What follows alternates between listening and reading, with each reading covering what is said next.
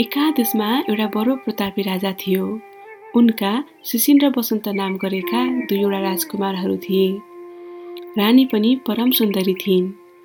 राजा र रानीमा बडो प्रेम थियो। एक दिन राजा सिकार खेल्न गएका थिए। रानी भने झालमा बसेर बत्ती काट्न लागेकी थिइन्। अकस्मात रानीको नजर एउटा भङ्गेराको गुडमा पर्यो। त्यो गुडमा रहेको बच्चाहरूलाई माउले आफ्नो चुच्चामा आहारा ल्याई बराबर खुवाइरहेको दृश्य रानीलाई खुब रमाइलो लाग्यो। तर अफसोस एकको मुहूर्तमा भङ्गेरी आफ्नो बच्चाहरूलाई चारा खुवाएर के बाहिर मात्र निस्केकी थिए एउटा ब्यादाले प्याट्ट गुलेलीले हानेर उसलाई मारिदियो। रानीको मनमा यो कुराले बडो विषाद पर्यो। एक क्षणमा भङ्गेरा आफ्नो आहारा लिएर आयो। बच्चाहरूलाई आहारा खुवायो अनि च्या च्या गर्दै आफ्नो पोथीलाई खोज्न थाल्यो तर कतै पनि पत्ता नलागेपछि केही बेरसम्म जिङ्रिङ्ग परेर झोक्राएर बस्यो अनि पछि आफ्नो काम कुरामा लाग्यो। भोलिपल्ट पनि उसै गरी झ्यालमा बसेर रानी भङ्गेराको गुडतिर हेर्छिन् त भालेले अर्को पोथी ल्याइसकेछ। केही बेरसम्म त त्यो पोथीले सौताको छोराछोरीलाई आहार ल्याउँदै खुवाउँदै गर्थे। अलि बेरपछि उसलाई झर्को लागेर आयो। जति खुवाए पनि आ मात्र गरिरहने यी खन्चुवा बैरीका पोथ्राहरूलाई के को भुट्टो?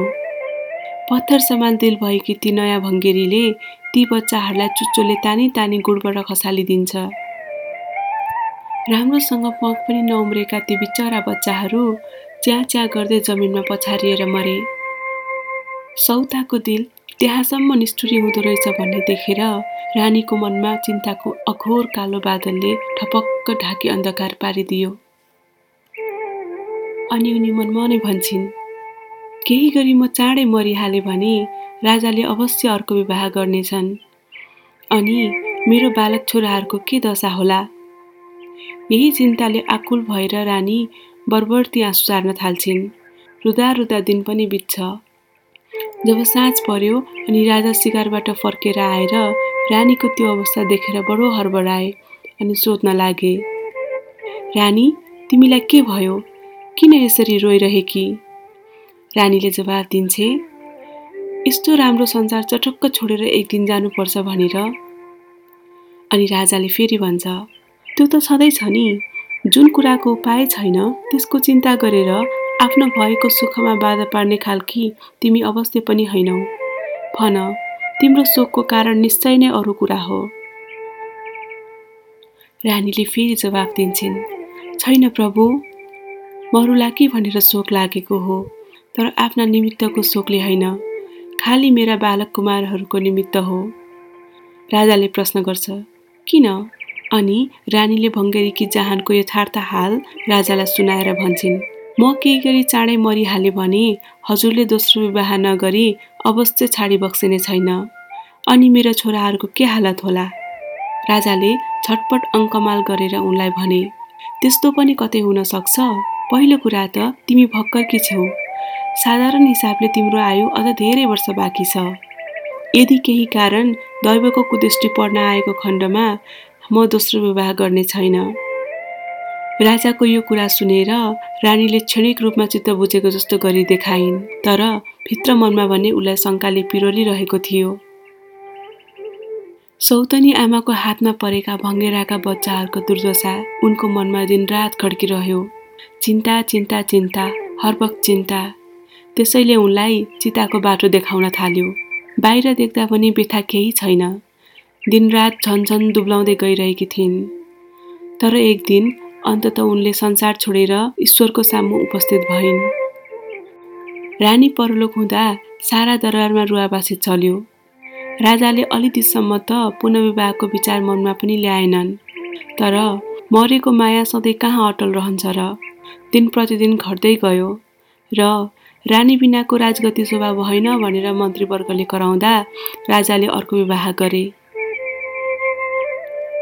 दोस्रो विवाह पछिको केही काल त सुखसँगै बित्यो। राजाको मन राख्नका निमित्त भए पनि कान्छी रानीले बिचराती सुशील बसन्तमाथि निकै नै माया गरे जस्तो देखाइन्। तर यथार्थमा उनलाई सौतनी रोगले दबाउँदै आएको थियो। आपसमा देख्दा ती बालकहरूले कराएको आवाजले पनि उसलाई सोला दिन्थ्यो। एक दिनको कुरा हो। ती दुई दाजुभाइ भकुन्डो खेलिरहेका थिए। फकुन्डो अकस्मात उफ्रेर सिङ्गार गर्न लागेकी रानीको ऐनामा बज्रन गई। उनका लाली गाजल इत्यादि जथाभावी छरियो। यो देख्दा रानीलाई साह्रै रिस उठ्यो अनि भन्न थालिन् ती पाजीहरूलाई यो भकुन्डो दिँदै दिन्न यति भनेर भकुन्डो आफ्नो काखमा च्यापिन्। केही बेरपछि हस्याङ फस्याङ गर्दै बसन्त रानीको खोपीमा आएर मुवा सन्जोगले हाम्रो भकुन्डो हजुरको खोपीमा पर्न आयो। हामीले जानी जानी गरेका होइनौ। रिसानी माफ रहोस् फकुन्डो फिर्ता पाऊ भनी बिन्ती गरे।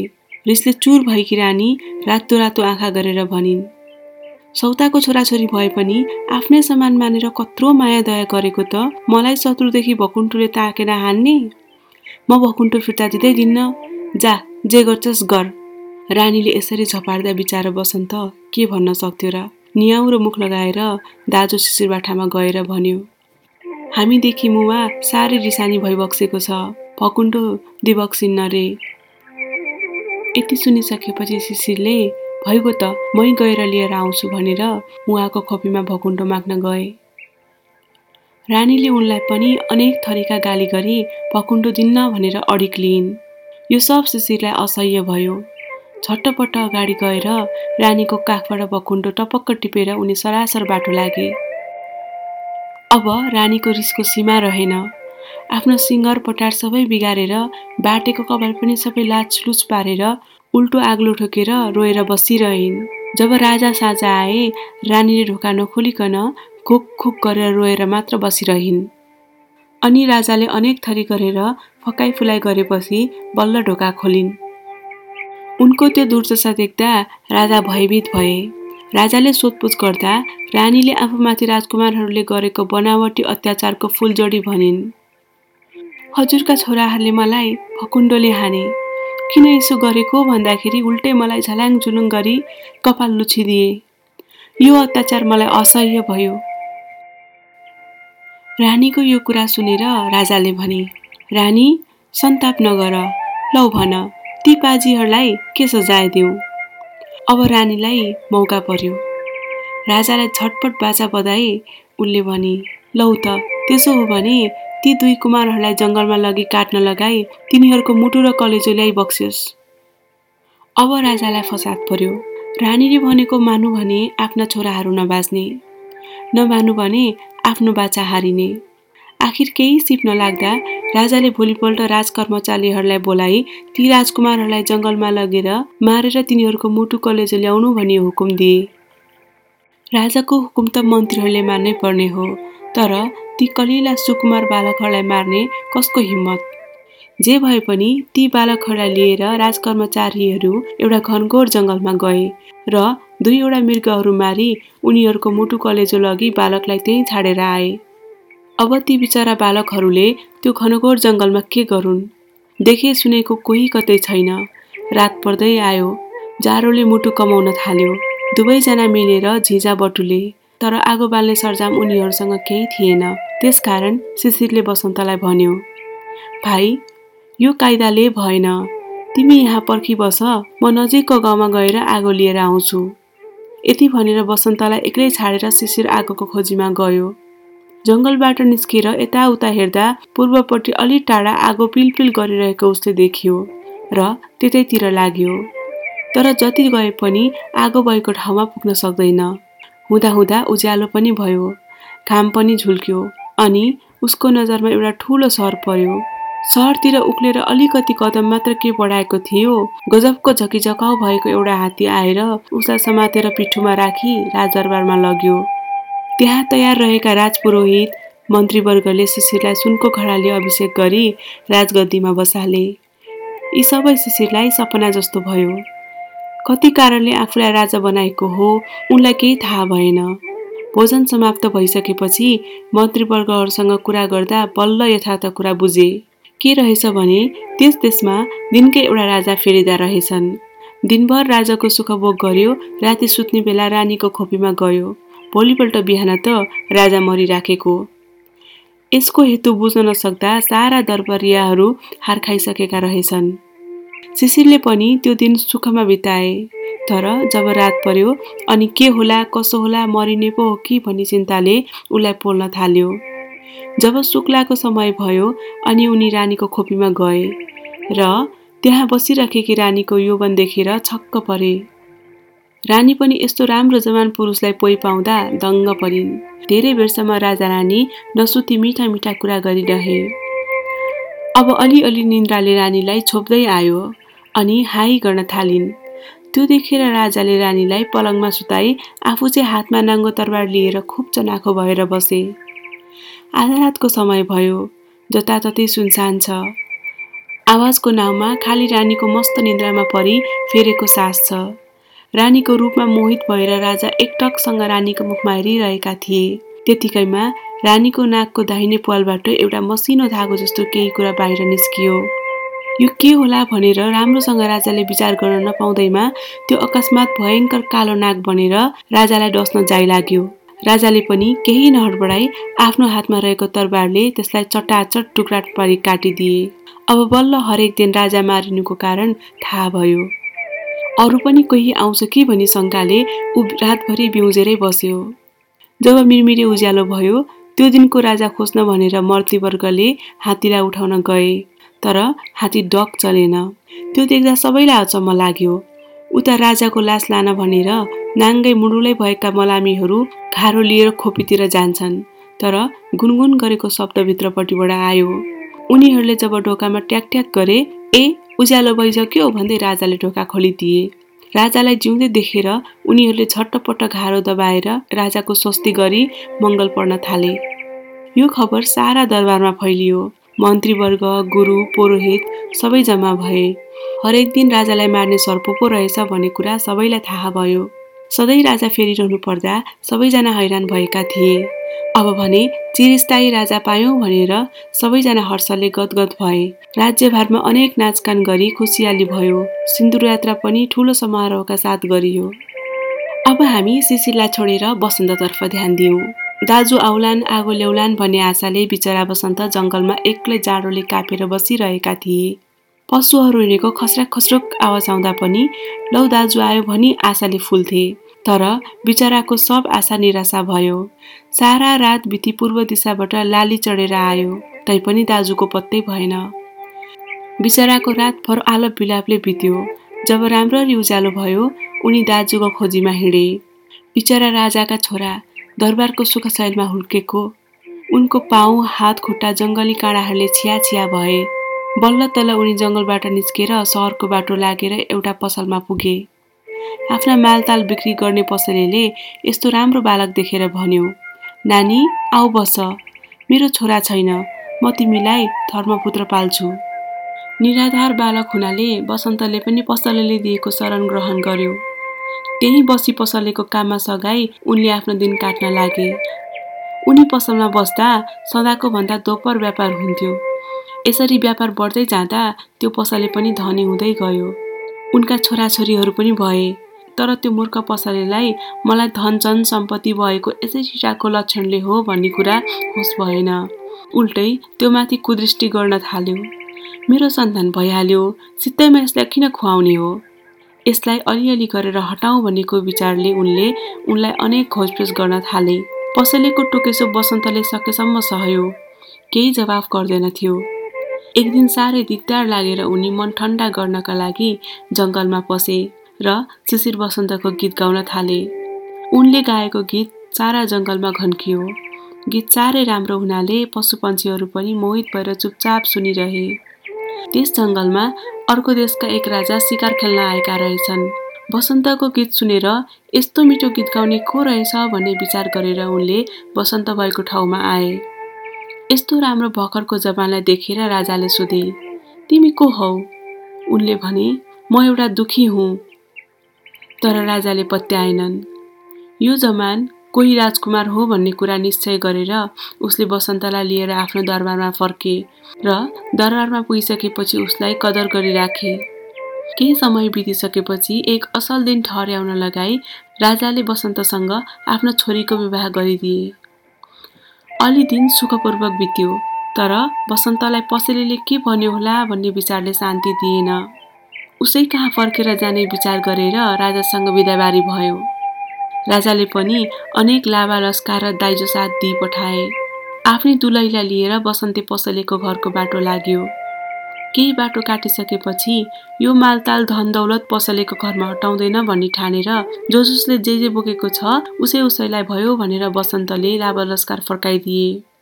खाली आफ्नो श्रीमतीलाई साथ लिएर उनी पसलेको घरमा गए। बसन्तलाई देखेर पसलेले यत्तिका दिन कहाँ गएको थिइस्? भनेर प्रश्न गर्यो। र बसन्तले काम विशेषले अर्को देशमा गएको थिएँ। यो तपाईँको सेठानीलाई सुसारे ल्याइदिएको हुँ भनी बसन्तले भन्यो। यति परम सुन्दरी युवतीलाई देखेर पसलेको मनमा पाप उठ्यो।